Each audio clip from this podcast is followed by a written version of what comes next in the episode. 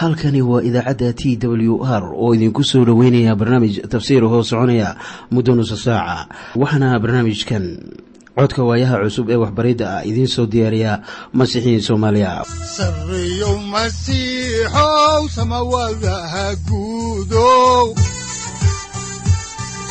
Siraadkii adduunkow subanaha eebow sareyow masiixow samawadaha guudow siraadkii adduunkow subanaha eebow adigoo samada jiro ifkan soo saldhiganba adigoo samada jiro ifkan soo saldhiganba kutubtiisanaye sifahaaga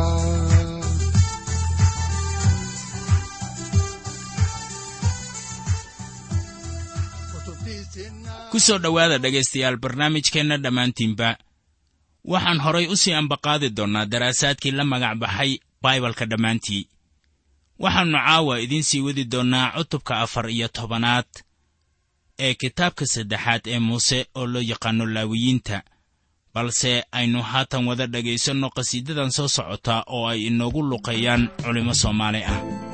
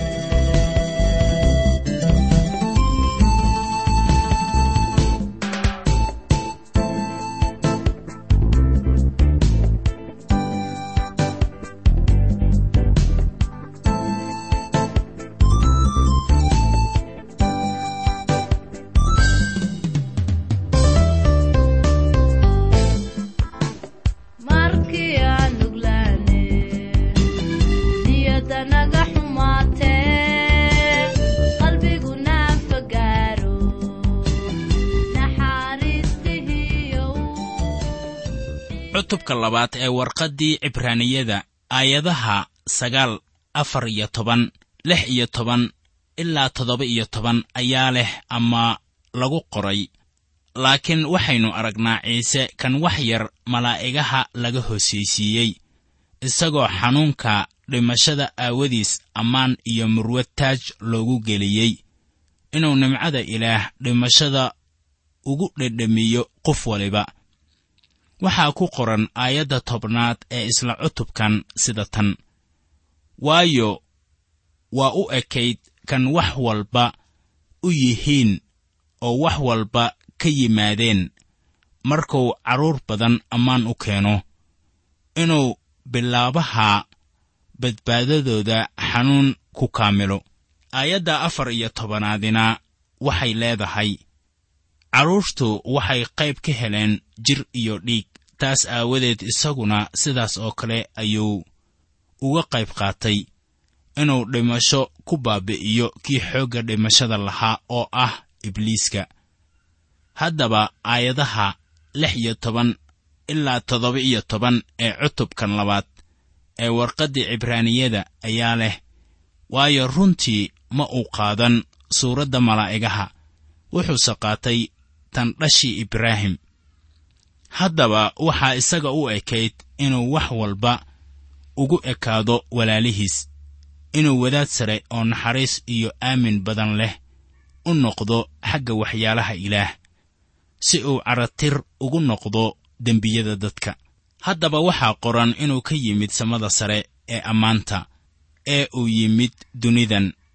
Wadaadka waxay ahayd inuu u yimaado baraslaha ha yeeshee waxaa ku qoran warqaddii rasuul bawlos oo u qoray dadka galatiya cutubka afaraad aayadaha afar ilaa shan sida tan.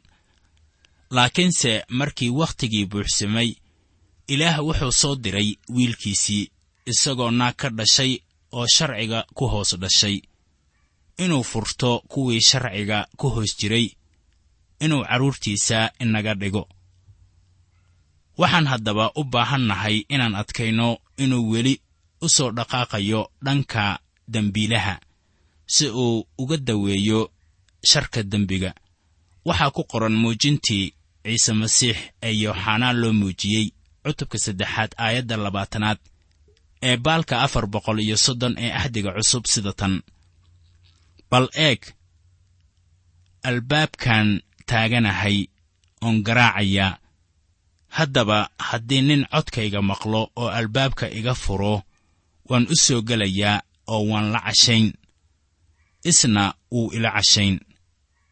Ilaah wuxuu caddeeyey in niyadda dadku ay shar tahay markaana waa ilaah kan daahirinaya dadka.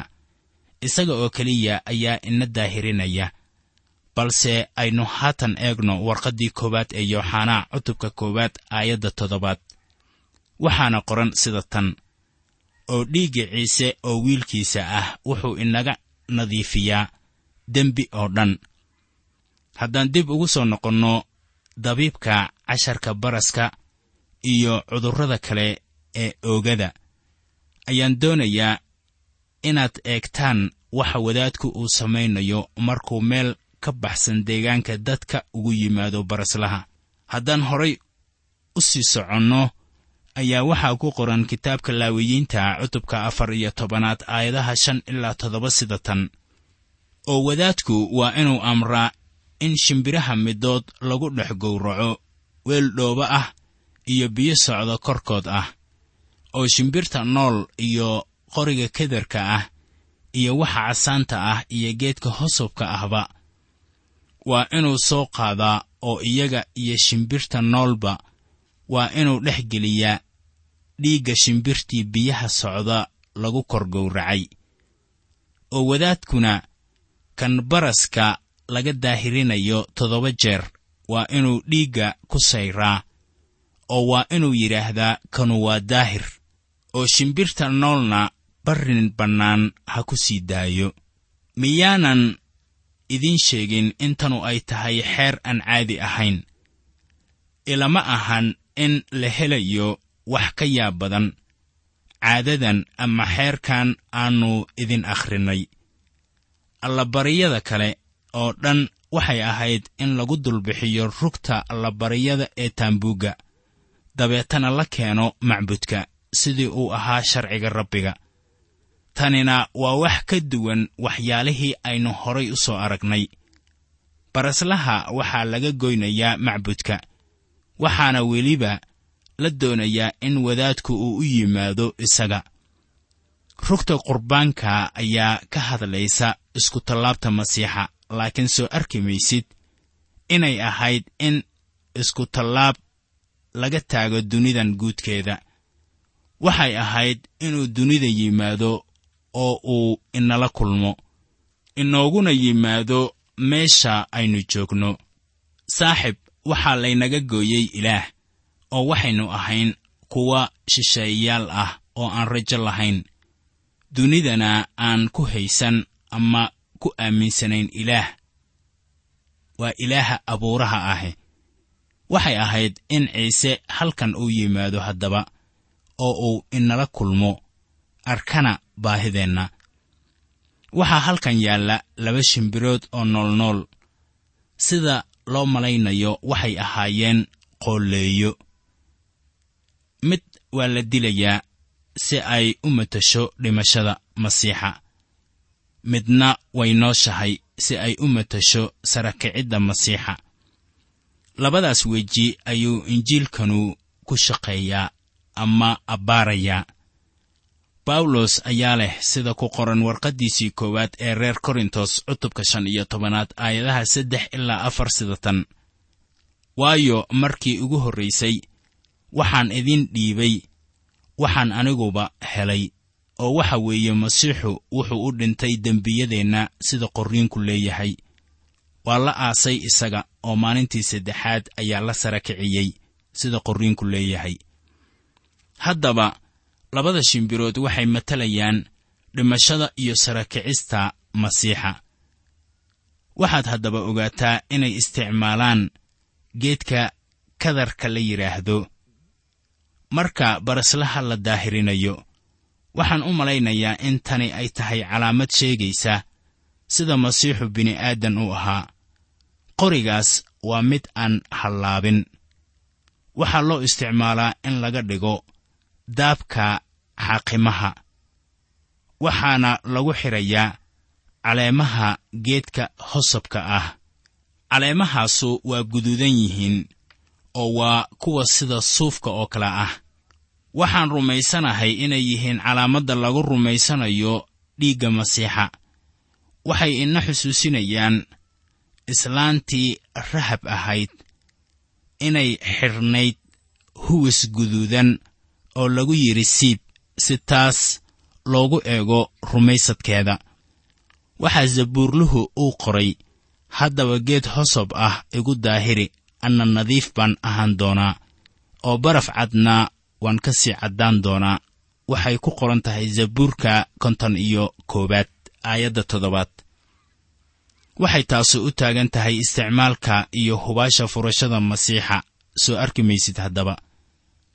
Dadku way oggolaan karaan oo waxay odhanayaan ciise ayaa inoo dhintay oo haddana sare kacay taasina ma ahan rumaysad badbaado keenaya. Su'aasha ayaa haddaba noqonaysa in adiga qudhaada aad hubaashaasi leedahay. Miyaad dhab ahaan ku kalsoon tahay isaga. Waxaa kaloo dhimashada masiixa iyo dhiiggiisaba loo isticmaalayaa nolosha rumaystaha. Waxaa ku qoran warqaddii koowaad ee rasuul yooxanaa cutubka koowaad aayadda toddobaad sida tan laakiin haddaynu nuurka ku soconno siduu isaguba nuurka ugu jiro wehelnimo ayaynu isla wada wadaagnaa oo dhiigga ciise oo wiilkiisa ah wuxuu inaga nadiifiyaa dembi oo dhan. Wiilka dhoobada laga sameeyey ayaa ka hadlaya dadnimadii masiixa.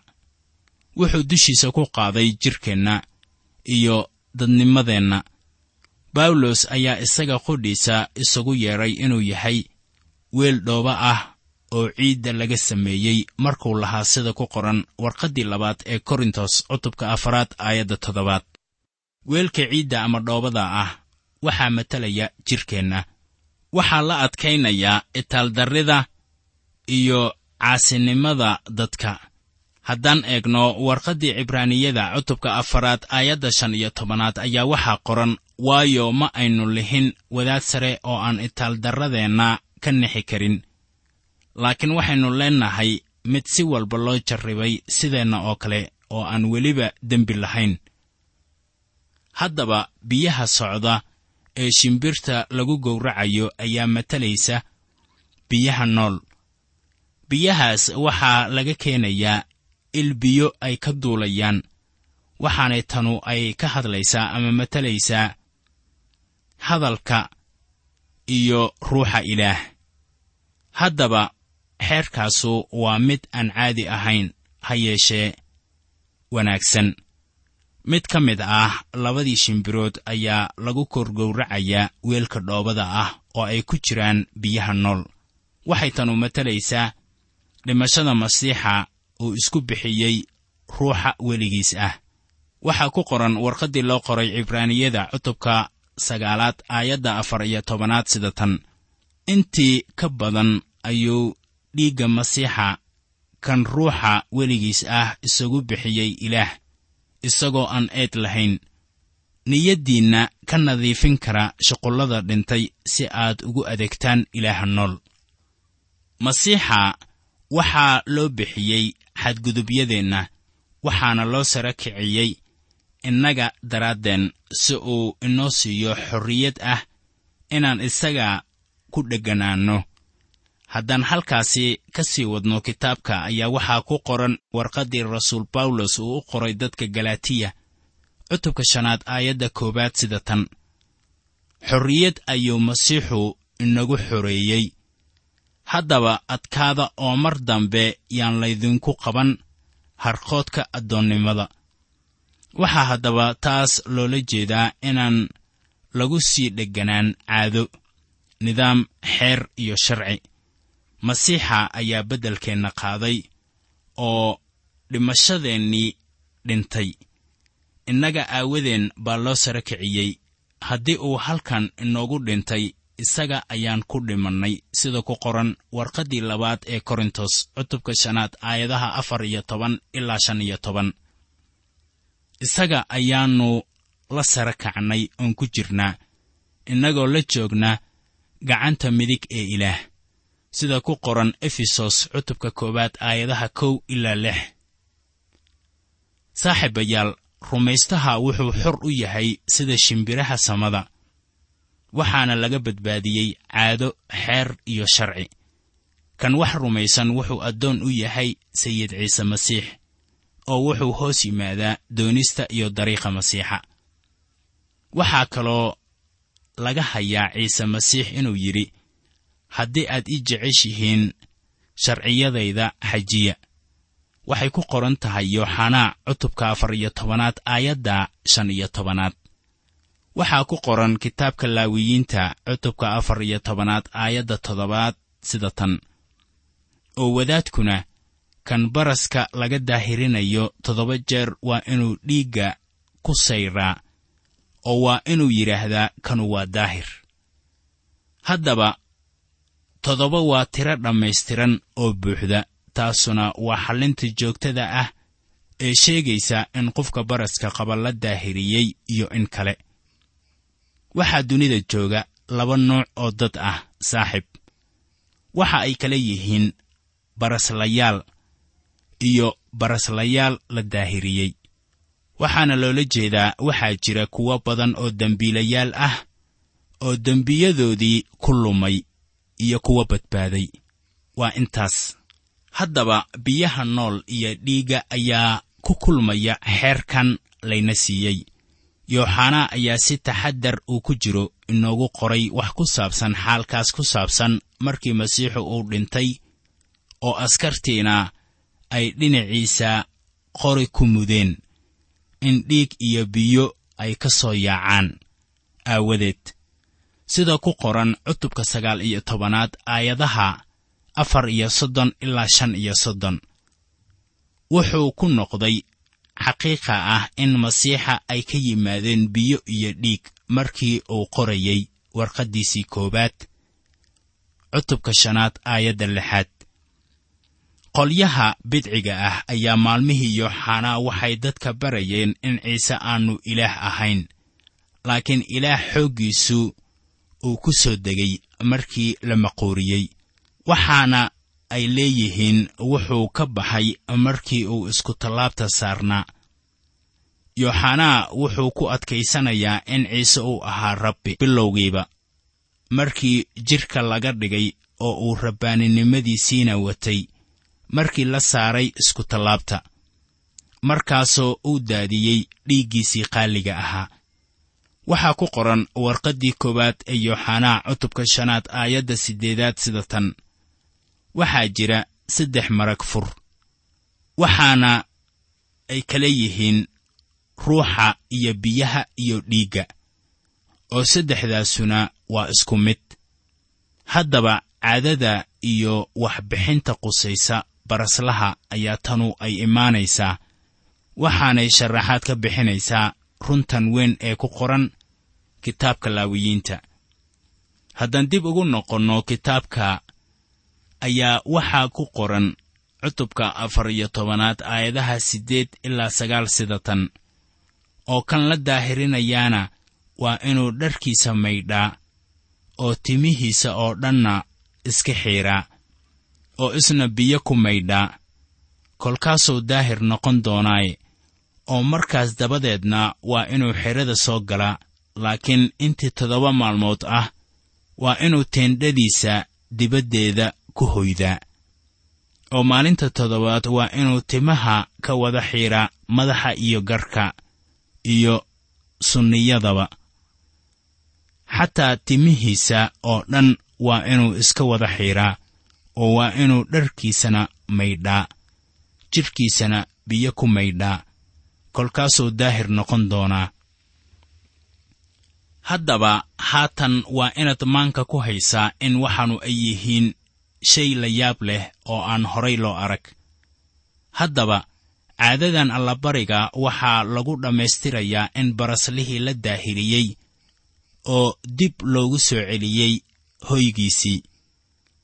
Haatan ka hor intaannu teendhadiisa gelin ayaa xeerkan cusubi uu muujinayaa in noloshiisii hore ay dhammaatay oo uu haatan bilaabayo nolol cusub oo hortaal dharka ayaa u taagan dhaqanka nolosha iyo habka uu u nool yahay. Timixiiristuna waxay adkaynaysaa isbeddelkan weyn ee noloshiisa saamaynaya saaxib markii rumayste uu u yimaado masiixa waxaa jiraya isbeddel markaana in jidhka damiciisa layska fogeeyo waa muhiim. Markii la doonayo in dunidan la joogo sayidka oo taas ka hadlaya ayaa leh sida ku qoran injiilka sida matayos uu u qoray cutubka toddobaad aayadda lix iyo tobanaad qayb ahaan sida tan. Midhahooda ayaad ku garan doontaan. Isla sidaas ayaa lagu kala gartaa xitaa kuwa raacsan iyo kuwa aan raacsanayn masiixa. Mar kale toddobada maalmood waxay muujinaysaa inay tahay toddoba maalmood oo la bakhshimayo ama la kontaroolayo lana tijaabinayo sida jidhkiisu uu isku beddelay ka hor intaannu beesha ku noqon. Waxaan u malaynayaa inaan mararka qaar aan doonayno in kuwa hadalka rumaystay ay markhaati bixiyaan. Waa in rumaystayaasha ilaa wakhti la tijaabiyaa waana in la eegaa nolosha cusub oo saamaynaysa jidhkiisa iyo noloshiisa guudba marka wakhtigiisu uu u dhammaado. Si buuxda ayuu u dhaqmayaa markaana qofka ilaah ka cabsadaa wuxuu u baahan yahay in si joogto ah loo dhaqo. Yooxanaa cutubka shan iyo tobanaad aayadda saddexaad ayaa waxaa ku qoran durba waad nadiifsan tihiin. Hadalkan idinkula hadlay daraaddiis saaxib lagu daahirin maayo ama howl ilaah u soo qaban maysid ilaa hadallada ilaah maankaaga ay ka buuxsamaan. War maxay taasu ahmiyad ballaaran tahay? Waxaan idinku leeyahay toddobada maalmood ee rumaystaha ayaa markay dhammaadaan. Waxay noqonaysaa marka ilaahna uu soo gunaanadayo safarkii dunida ee kiniisaddiisa wuxuu dabeeto qofkaasu hor imaanayaa isagoo ah sida kiniisad daahir ah sida ku qoran warqaddii efesos cutubka shanaad aayadaha shan iyo labaatan ilaa toddoba iyo labaatan. Haatan rumaystaha ayaa soo galaya habka daahirinta waana qaybta ficilka ah. Waa inuu jiraa koritaan xagga ruuxa ah oo maalinla ah iyo horumar laga samaynayo xagga iimaanka iyo ficil sida quduusnimo looga doonayo nolosha ruuxa ayaa caafimaadna loogu doonayaa jidhka haddaan intaasi ku ekayno maaddadii hore ee ahayd xeerka daahirinta ayaan haatanna eegaynaa xeerka daahirinta baraska deegaanka lagu arko. Haddaan dib ugu noqonno kitaabka laawiyiinta cutubka afar iyo tobanaad aayadda tobanaad ayaa waxaa ku qoran sida tan. Oo maalinta siddeedaadna isagu waa inuu keenaa laba wan oo yar yar oo aan innaba in lahayn iyo neel gu' jira oo aan in lahayn iyo eefaah toban meelood loo dhigay saddexdiis meelood oo bur ah oo saliid lagu daray kaasoo ah qurbaan haruur iyo qiyaas log la yidhaahdo oo saliid ah haddaba baraslaha la daahiriyey wuxuu soo geli karaa bulshada inteeda hadhay ee sayidka. Laakiin markii uu sidaas sameeyo waa inuu ku laabtaa meeshii uu bulshada uga jiray oo uu hor keenaa qurbaanka ilaah hortii. Wuxuu keenayaa laba wan oo gu' jira iyo nayl gu' jirta oo aan in lahayn. Bur iyo saliid iyo qiyaasta log oo saliid ah waa kuwan qurbaanka laga doonayo qofka caadiga ah taasoo uu sameeyo mar inta uu nool yahay. Waxaanay taasu xaqiijinaysaa in si buuxda loo aqbalay qofkan baraska qaba.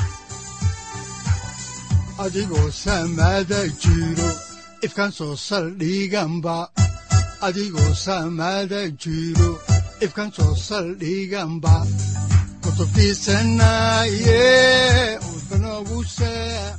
halkani waa t w r idaacadda t w r oo idinku leh ilaa ha idin barakeeyo oo ha idinku anfaco wixii aad caawi ka maqasheen barnaamijka.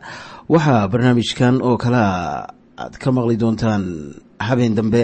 Hadahan oo kale haddiise aad doonaysaan in aad fikirkiina ka dhiibataan wixii aad caawi maqasheen ayaad nagala soo xiriiri kartaan som t w r at t w r c o k e haddii aad doonaysaan in aad dejiisataan oo kaydsataan barnaamijka ama aad mar kale dhegaysataan fadlan mar kale booqo www t w r o r g.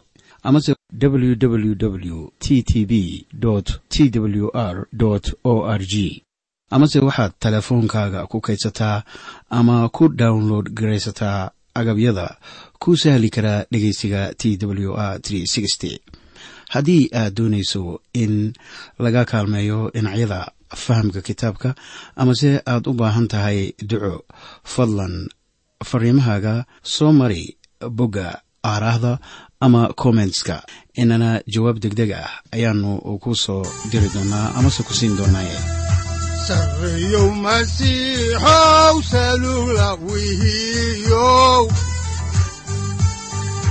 saacadda timid dhulka sabada ku dhalatiyo